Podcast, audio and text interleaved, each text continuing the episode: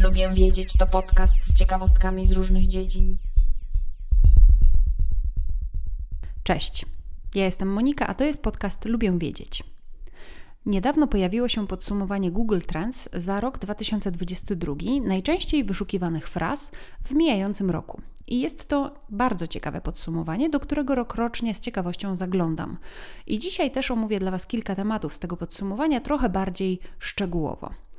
Jest to akurat podsumowanie dla Polski, więc jeśli Was interesuje, jakie osoby były najczęściej wpisywane w wyszukiwarkę Google, jakich odpowiedzi na pytania jak, gdzie, kiedy i co to jest wyszukiwali Polacy, to zapraszam do słuchania dalej. W Google Trends, w podsumowaniu Google Trends, co roku są różnego rodzaju kategorie. Jedną z tych kategorii to frazy najszybciej zyskujące na popularności. Na tej liście pięciu najszybciej zyskujących na popularności znalazły się Ukraina, Putin, wojna w Ukrainie, PGG, czyli Polska Grupa Górnicza oraz Rosja. Jak widać, wojna w Ukrainie w pięciu najszybciej zyskujących na popularności frazach zajmuje główne miejsce. Jeśli chodzi o ludzi, których wyszukiwano w wyszukiwarce Google, to Władimir Putin, Rafalala, Wołodymyr Zelenski, Lanmery oraz Amber Heard. Tutaj widać i tematy polityczne, czyli wojna w Ukrainie, ale także takie popkulturowe. Pięć najczęściej wyszukiwanych filmów w Google to Jak pokochałam gangstera, Furioza, Oszust z Tindera, Gierek i Batman. Jeśli chodzi o hasła gdzie, to były dość takie pragmatyczne hasła. Gdzie złożyć wniosek o dodatek osłonowy, gdzie kupić test na COVID, gdzie zaczyna się wojsko, gdzie kupić węgiel, ale także było pytanie o plakat Gdzie są te dzieci? Jeśli chodzi o hasło jak, to wyszukiwano pięć następujących fraz: jak pomóc Ukrainie, jak suszyć grzyby w piekarniku, jak sprawdzić, czy telewizor ma DVB T2, jak mrozić grzyby i jak wypełnić wniosek o dodatek osłonowy. Natomiast jeśli chodzi o hasło, co to jest, to tutaj omówię trochę bardziej szczegółowo 8 haseł. Co to jest SWIFT? Ano SWIFT to jest taki numer, który posiada każda instytucja bankowa, która obsługuje przelewy zagraniczne. SWIFT to jest taki skrót od Society for Worldwide Interbank Financial Telecommunication czyli taka organizacja non-profit założona w 1973 roku, która w momencie założenia zrzeszała około 200 banków z całego świata, a w tym momencie zrzesza ich ponad 8 tysięcy. Ta organizacja porządkuje i organizuje międzynarodowe transakcje finansowe i w ten sposób ułatwia i uwiarygadnia międzynarodową komunikację bankową. Każdej instytucji finansowej nadaje indywidualny kod BIC, BIC Bank Identifier Code, czyli kod identyfikujący bank. Ten kod umożliwia zidentyfikowanie danej instytucji i składa się z 8 lub 11 znaków. Cztery pierwsze znaki to znaki, które identyfikują instytucję finansową. Dwa kolejne są kodem państwa, a dwa następne określają kod lokalizacji lub jakieś inne parametry. Natomiast Trzy ostatnie znaki są opcjonalne, a jeśli są używane, to zwykle oznaczają oddział danego banku lub instytucji finansowej. Kod w Polsce często skrótowo nazywa się kodem SWIFT, natomiast za granicą zwykle używa się akronimu BIC. Ten kod jest potrzebny wtedy, kiedy wykonujemy przelew zagraniczny w obcej walucie, czyli wtedy, kiedy pieniądze muszą być przewalutowane. Bez tego kodu takiego przelewu nie wykonamy. By go dokonać, oprócz numeru SWIFT będzie potrzebny nam również numer IBAN, czyli taki numer własnego rachunku bankowego, więc Taki kod razem to będzie PL plus numer konta naszego oraz ten kod BIC czy też SWIFT.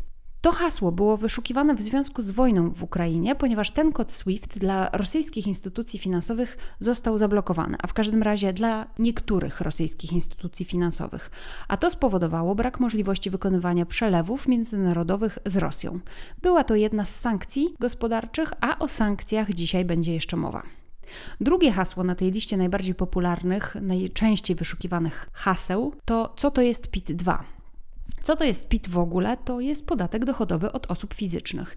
Jest to nazwa, która pochodzi od angielskiego Personal Income Tax, czyli podatku od dochodów osobistych.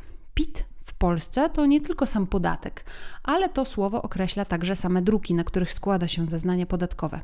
Każdy z nas powinien składać jakąś formę PIT-u, czyli jakiegoś tam formularza do Urzędu Skarbowego, a większość z nas robi to prawdopodobnie na drukach PIT 37. Tutaj pytanie było o PIT 2, który był związany z wprowadzoną w tym roku reformą podatkową i jest to takie oświadczenie pracownika dla celów obliczania miesięcznych zaliczek na podatek dochodowy od osób fizycznych.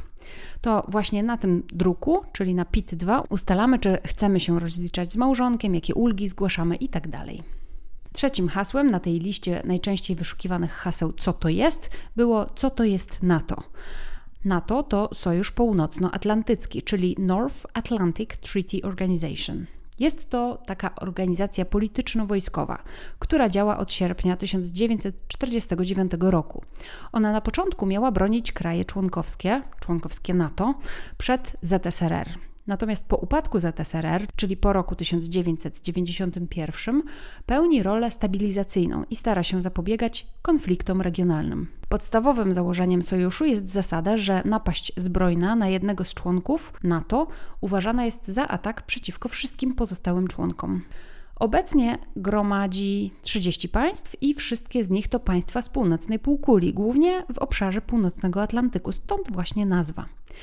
Myślę, że popularność tego hasła w wyszukiwaniach również dotyczy wojny w Ukrainie, bo wiele się mówi ostatnio o tym, że Ukraina powinna zostać w trybie pilnym przyjęta do NATO.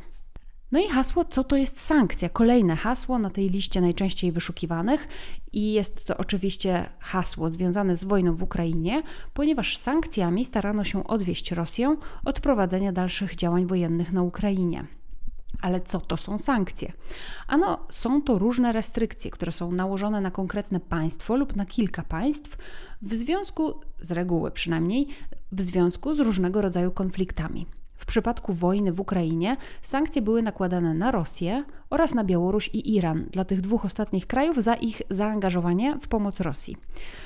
Wprowadzone sankcje wobec Rosji obejmowały m.in. zakaz transakcji z rosyjskim bankiem centralnym i bankiem centralnym Białorusi, wykluczenie niektórych rosyjskich i białoruskich banków z systemu SWIFT, o czym już mówiłam wcześniej, zakaz dostarczania do Rosji i na Białoruś banknotów euro, zakaz finansowania publicznego lub inwestycji w Rosji, zakaz importu węgla, ropy naftowej z Rosji, zakaz eksportu do Rosji różnych towarów, zamknięcie przestrzeni powietrznej Unii Europejskiej dla wszystkich samolotów rosyjskich i samolotów zarejestrowanych w Rosji, zamknięcie portów Unii dla rosyjskich statków, no i zakaz wjazdu do Unii rosyjskich i białoruskich przewoźników drogowych. Wprowadzono także inne sankcje, takie indywidualne sankcje, które dotyczyły zakazów podróży i zamrożenia pieniędzy dla poszczególnych osób w głównej mierze polityków wojskowych, biznesmenów, oligarchów i innych zaangażowanych w działania wojenne lub propagandowe.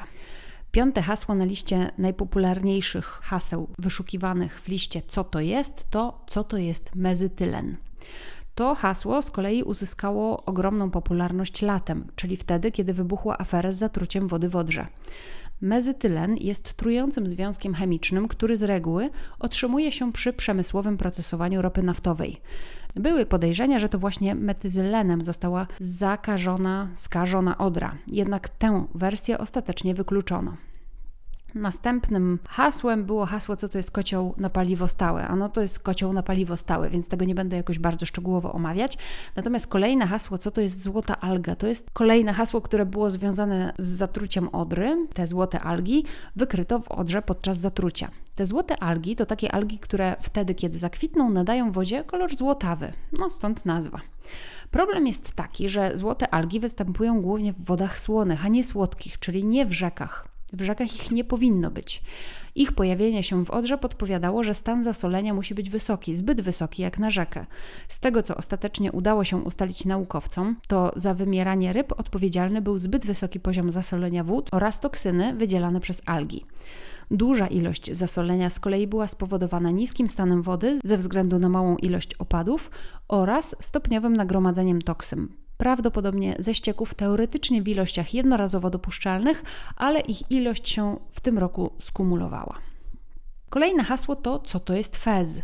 I tutaj nie do końca wiem, o co mogło chodzić i dlaczego akurat to hasło zyskało na popularności i co dokładnie wyszukiwali ci, którzy wpisywali to hasło w wyszukiwarkę, ponieważ fez to może być taka bordowa czapka z czarnym chwościkiem, która jest noszona głównie w krajach muzułmańskich. Może to być miasto w Maroku, od którego zresztą pochodzi nazwa tej czapki, a może to być też imię bohatera serialu Euforia, którego drugi sezon w tym roku miał sporą oglądalność, a może to być też taka gra komputerowa, która wprawdzie została stworzona w 2012 roku, ale w tym roku była na nią ogromna zniżka na Nintendo Switch. Czyli nie mam pojęcia o co mogło chodzić, ale mnie się wydaje, że jednak te dwa ostatnie podane przypuszczenia, czyli że albo serial Euforia, albo ta zniżka na Nintendo Switch podwyższyła popularność tego hasła. Dwa dalsze hasła z tej dziesiątki najbardziej popularnych to co to jest ulga dla klasy średniej oraz co to jest dodatek osłonowy. To są hasła z zakresu podatkowego, nie chce mi się ich tłumaczyć, więc przechodzę do hasła kto to, bo to jest też dosyć ciekawa lista. Na niej pojawiło się pięć najbardziej popularnych pytań, czyli kto to jest behawiorysta, kto to oligarcha, kto to separatysta, kto to proband i kto to parias. I te pięć haseł postaram się również dla Was wyjaśnić. Kto to jest behawiorysta? Prawdopodobnie to pojęcie wyszukiwane było ze względu na popularność serialu Behawiorysta na podstawie książki Remigiusza Mroza, a serial był zimą nadawany na VOD Player, zimą, czyli w styczniu i w lutym 2022 roku. A kim jest behawiorysta? Do tego przyda się znajomość pojęcia behawioryzm. To jest nauka o zachowaniu ludzi i zwierząt. W przypadku behawiorysty, o jakim mowa w serialu, to jest to taki specjalista, który na podstawie zachowania człowieka może określić z dużym prawdopodobieństwem, czy ta osoba kłamie na podstawie gestów, mimiki czy ubioru, jest z kolei w stanie wysnuć różnego rodzaju informacje, na przykład o pochodzeniu, o wychowaniu tej osoby. Natomiast jeśli chodzi o behawiorystę zwierzęcego, to warto się do niego zgłosić, jeśli macie problemy ze swoim zwierzakiem, który na przykład jest agresywny, ma stany lękowe lub depresyjne, wyje, kiedy was w domu nie ma albo gryzie meble. Taki specjalista może różnymi technikami załagodzić lub wyeliminować te problemy. Kolejne hasło to było, kto to jest oligarcha. I jak przypuszczam, chodziło o sankcje indywidualne, czyli te nakładane na oligarchów rosyjskich.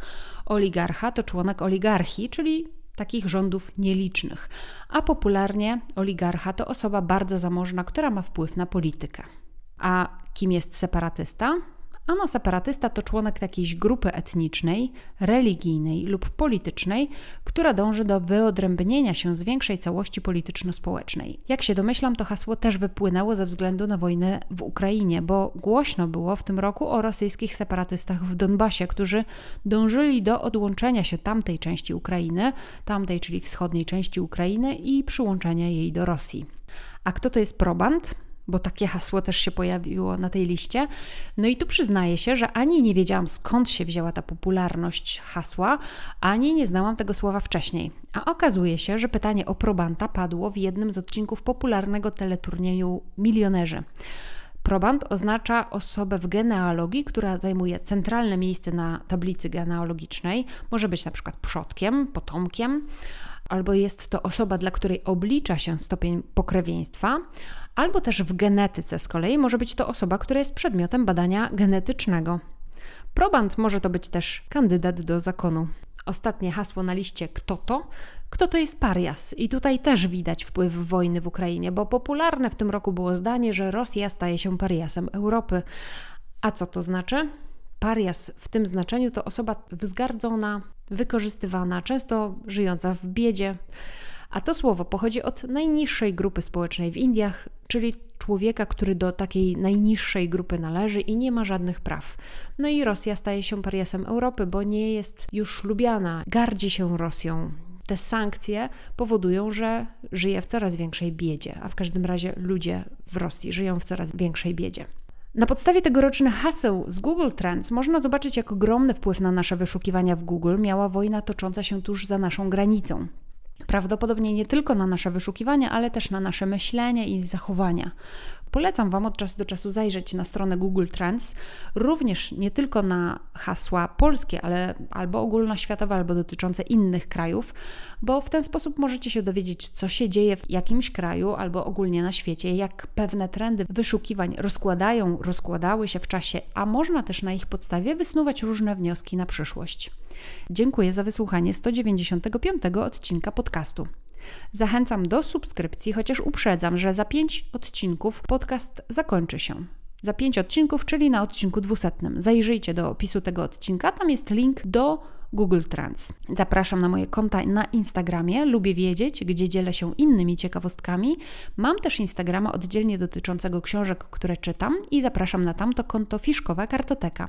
Jeśli podoba Ci się mój podcast, to możesz mi postawić wirtualną kawę poprzez link, który również zamieszczam w notatkach do tego odcinka. Do usłyszenia, cześć!